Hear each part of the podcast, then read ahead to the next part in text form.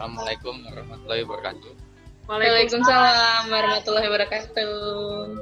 Oke, selamat datang di podcast Bincang 3 episode pertama tentang nilai-nilai akuntabilitas dan nasionalisme. Nah, Bincang 3 ini uh, jadi tentang uh, podcast bagaimana uh, kita menerapkan nilai-nilai um, aneka dari ASN itu uh, akuntabilitas, nasionalisme, uh, etika, publik,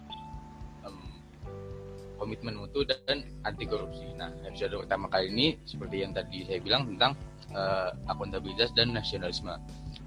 Episode kali ini akan dibantu oleh uh, gue sendiri Jafar Rozal Muzaki sebagai host dan jabatan saat ini adalah um, fungsional diplomat um, Direktorat Timur Tengah Kemlu Republik Indonesia.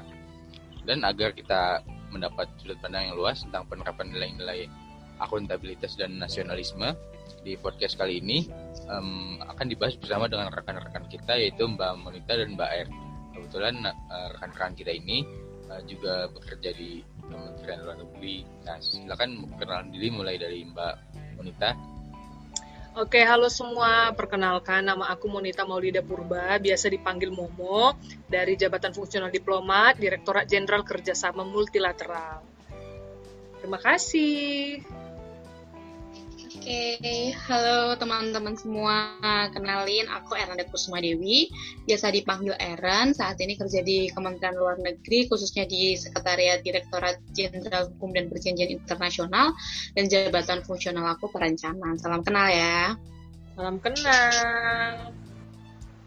Nah, jadi um, sebelum kita bahas tentang penerapan nilai-nilai um, tadi akuntabilitas dan nasionalisme, jadi kita perlu lebih tahu dulu nih tentang apa itu akuntabilitas dan nasionalisme. Nah, kita akan bahas dikit aja biar bisa segera diskusi dengan uh, bareng rekan-rekan kita. Jadi akuntabilitas itu uh, adalah serangkaian kewajiban setiap ASN baik secara individu ataupun institusi secara, secara keseluruhan untuk memenuhi tanggung jawabnya itu menjamin terwujudnya nilai-nilai publik.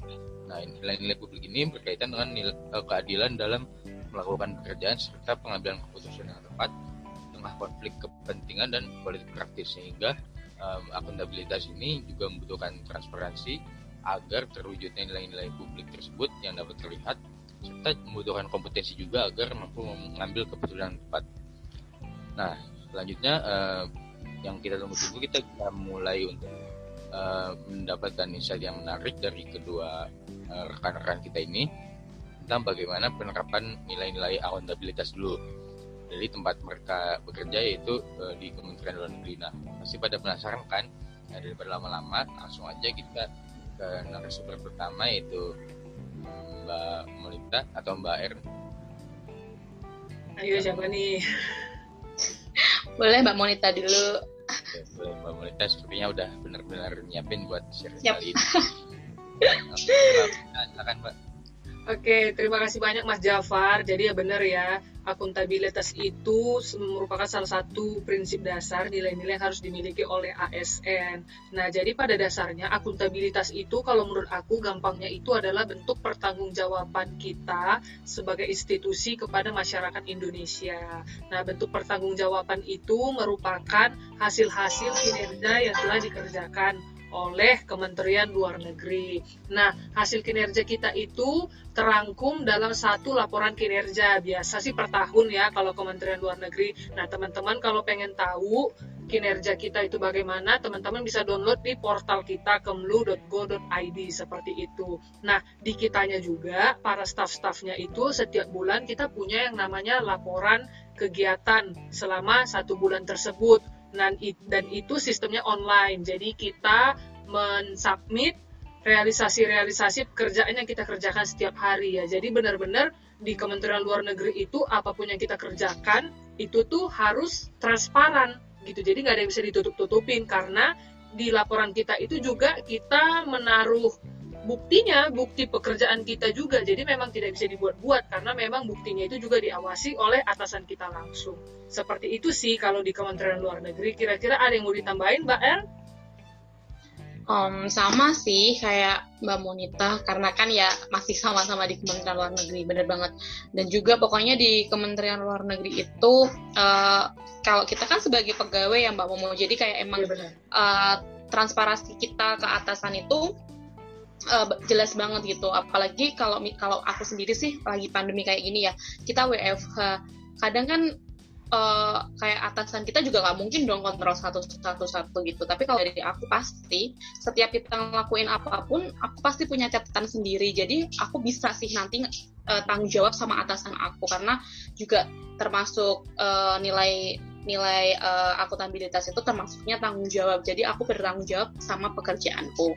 Selain itu juga di Kementerian Luar Negeri untuk uh, transparansi di masyarakat banyak banget ya Mbak untuk informasi atau informasi Benar. publik yang Kemenlu punya gitu. Contohnya Benar, ada Instagram. Instagram yang Mbak Monita mungkin bisa Mbak Monita ini bahas lebih lanjut tentang Instagram Kemlu. Iya di Kementerian Luar Negeri itu jadi kita tuh nggak hanya punya satu akun Instagram Kemlu underscore RI nggak cuma itu doang kita tuh juga punya per direktorat jenderalnya juga ada kan kayak misalnya Aspasaf punya atau yeah. HPI punya dan di saya juga HPI juga di ke, apa di multilateral itu juga punya gitu. Jadi di situ kita update tuh, yeah, misalnya yeah. kita ikut sidang ini kita kasih tahu di situ apa-apa saja pencapaian kita, apa-apa saja yang berhasil kita rundingkan di situ, ataupun misalkan kita sedang mengusahakan nih rencana-rencana kita, misalnya pencalonan Indonesia nih untuk Dewan HAM atau Dewan Keamanan, nah itu kebetulan di Dijen aku yang megang, khususnya Dijennya, jadi ya itu sebagai bentuk transparansi kita kepada publik bahwa ini loh yang sedang Indonesia usahain gitu. Bener banget, jadi tahu ya masyarakat tuh juga apa nih kerjaannya Kemlu tuh apa sih? Itu bisa ya dilihat di sosial media kita gitu Mas Jafar. Dan for your information juga nih ya teman-teman bahwa um, hasil kinerja pemerintah itu informasinya itu merupakan hak publik. Jadi jangan teman-teman kira itu tertutup. Enggak ya kan Mas Jafar ya?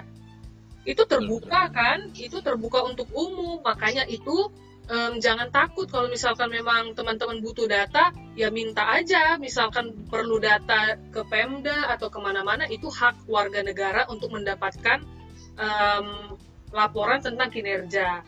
Seperti itu. Betul betul, betul banget dari um, apa yang disampaikan oleh Mbak Ern dan Mbak Monita ini. Um, yang pertama tadi tentang um, laporan kinerja karena ya bagaimana cara kita menilai pekerjaan dari ASN ini selain melalui uh, laporan kinerja? Terutama um, salah satu dari nilai positif yang bisa kita ambil dari pandemi ini tuh um, bagaimana berubahnya uh, mekanisme laporan kinerja dari secara manual menuju secara online yang um, lebih uh, lebih ramah lingkungan dan juga um, lebih transparan. Jadi kita bisa langsung upload bukti-bukti hasil kinerja kita.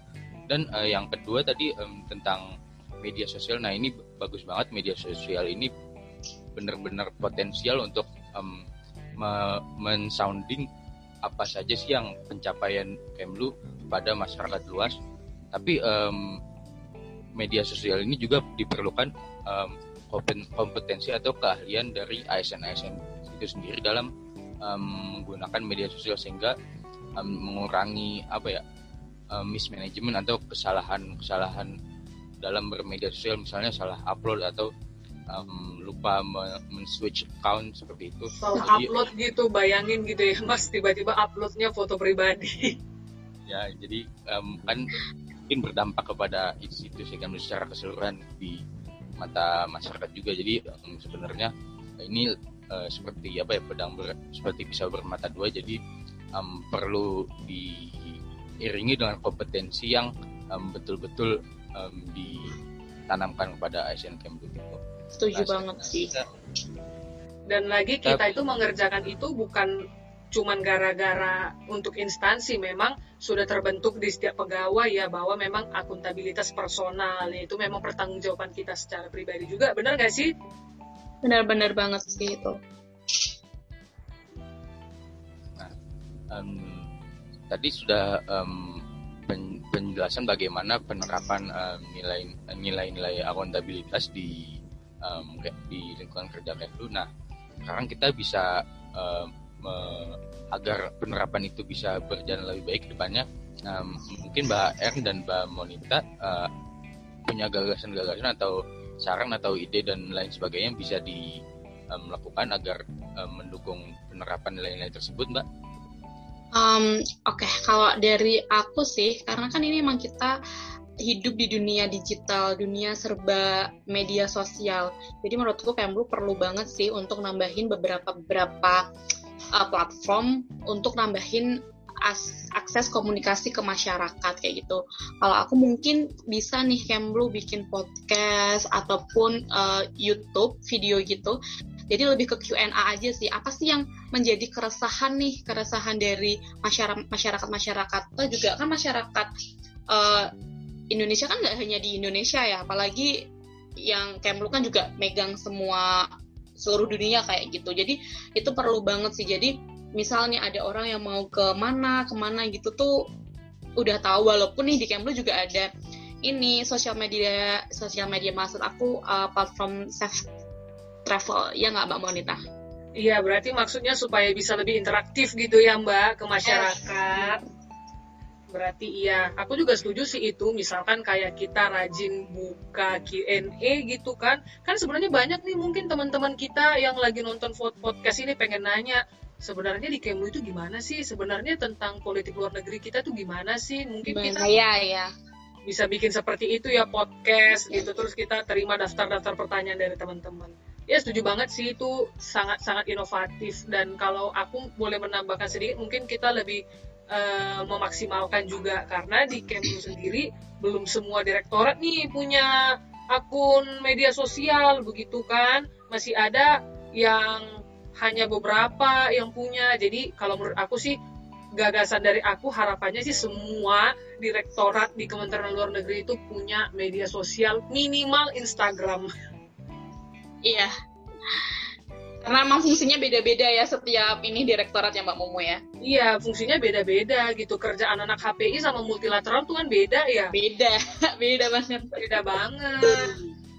Yes, totally betul banget dari yang disampaikan Mbak Ern dan Mbak Monita. Um, jadi um, media sosial terutama Direktorat uh, Timur Tengah juga belum punya um, Instagram dan um, direktorat-direktorat yang lain juga di Aspasaf khususnya um, Instagramnya juga belum uh, aktif kembali.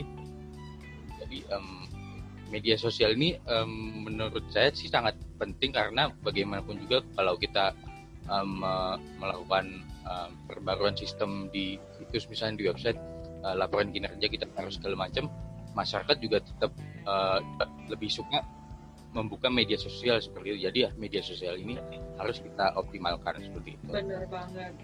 Ya jadul ya kalau pakai website gitu mungkin. Kalau anak zaman sekarang kan mas, lebih masuk ke media sosial ya daripada ya. website. Ya benar banget sih itu.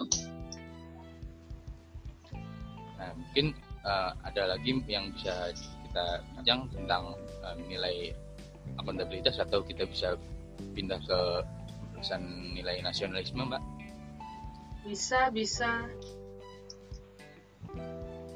Nah, um, nilai-nilai yang ke, penerapan nilai yang kedua itu adalah nasionalisme. Nah, ini nasionalisme kita uh, pasti sering dengar di mana um, nasionalisme itu uh, adalah sikap kesetiaan dalam dari masyarakat suatu bangsa dengan um, kesamaan budaya dan wilayah. Nah, nasionalisme ini dapat terlihat pada um, rasa cinta tanah air, ras, bahasa, dan sejarah budaya bersama.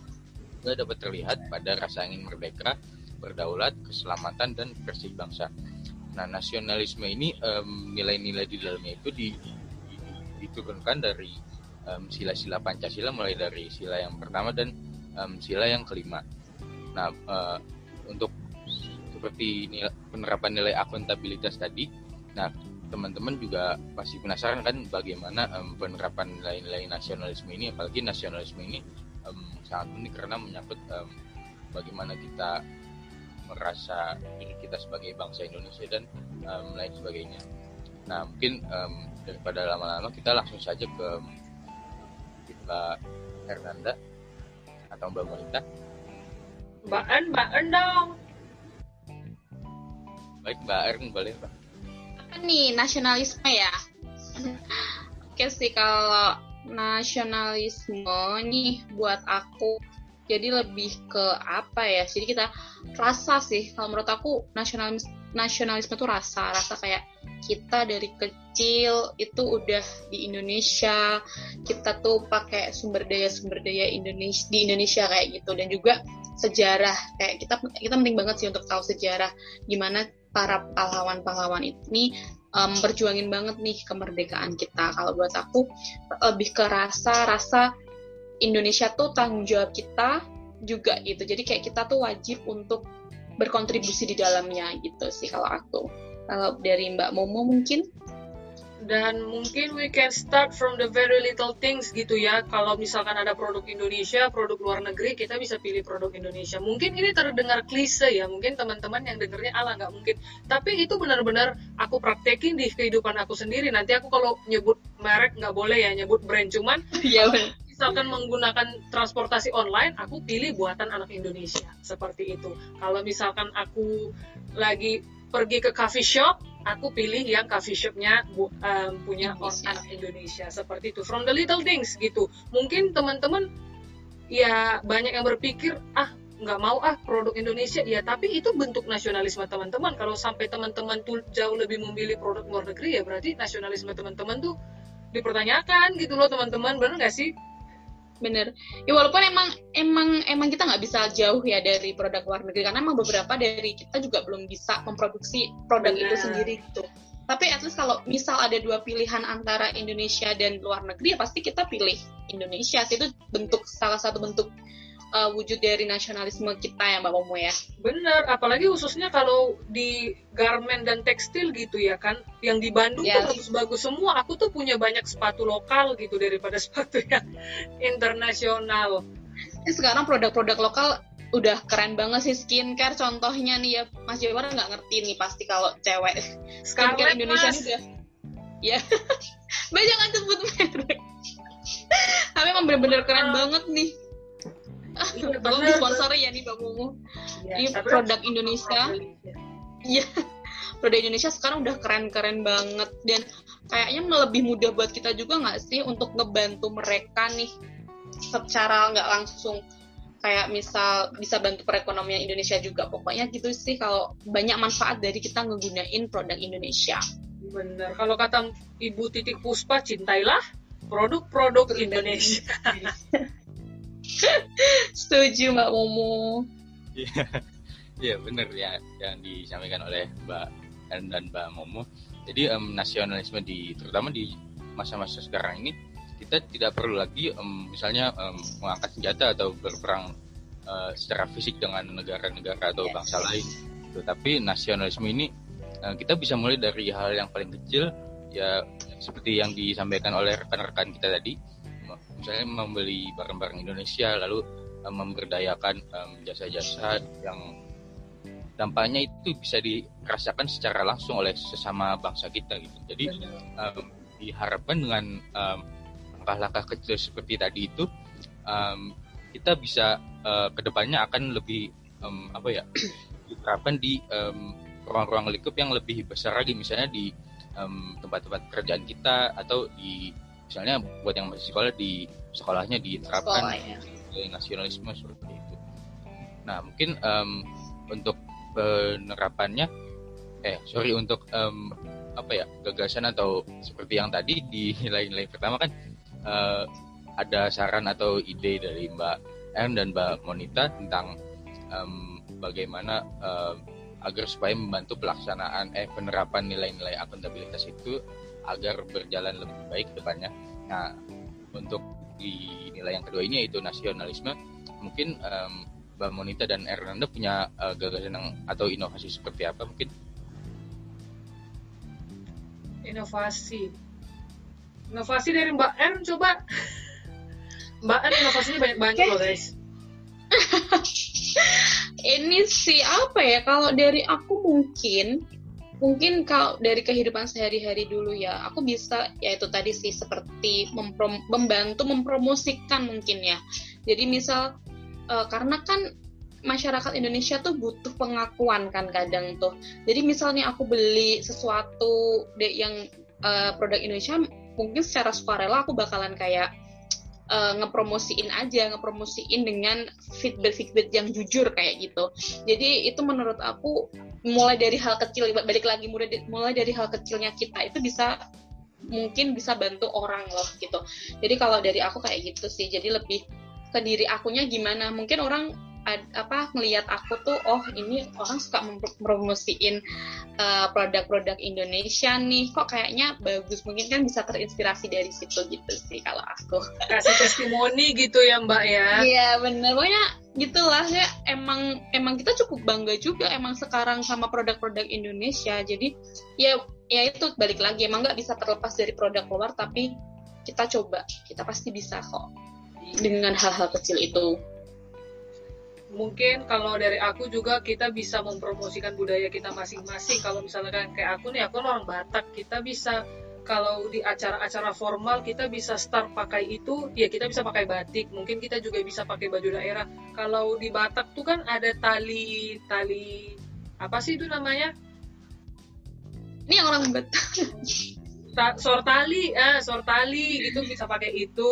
Kalau de uang tapi ya nggak usah yang ribet-ribet dari atas sampai bawah yang mencerminkan budaya kita aja itu juga sudah cukup ya kan? Ciri khasnya gitu ya, ya ciri khasnya aja yang satu aja. Kalau kayak Mbak Ern apa? Berarti aku aku Jawa sih kebaya mungkin kali ya. Bisa ya, sih itu.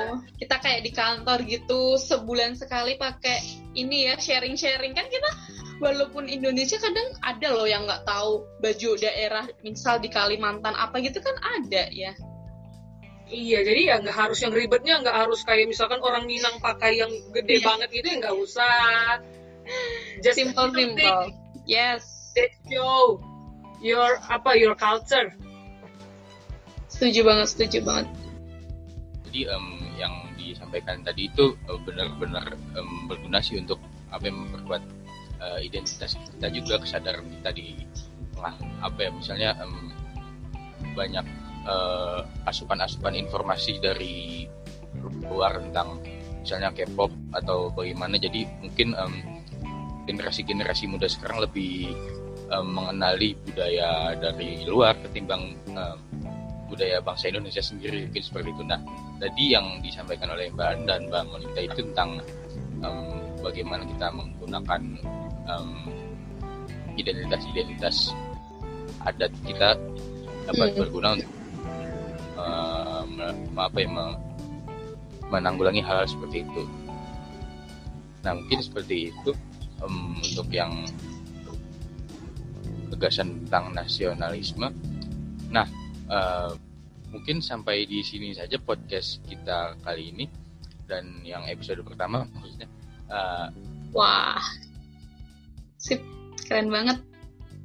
Dan selanjutnya um, mungkin teman-teman juga bisa menonton episode kedua tentang um, etika publik dan uh, episode terakhir um, tentang komitmen mutu dan uh, anti korupsi.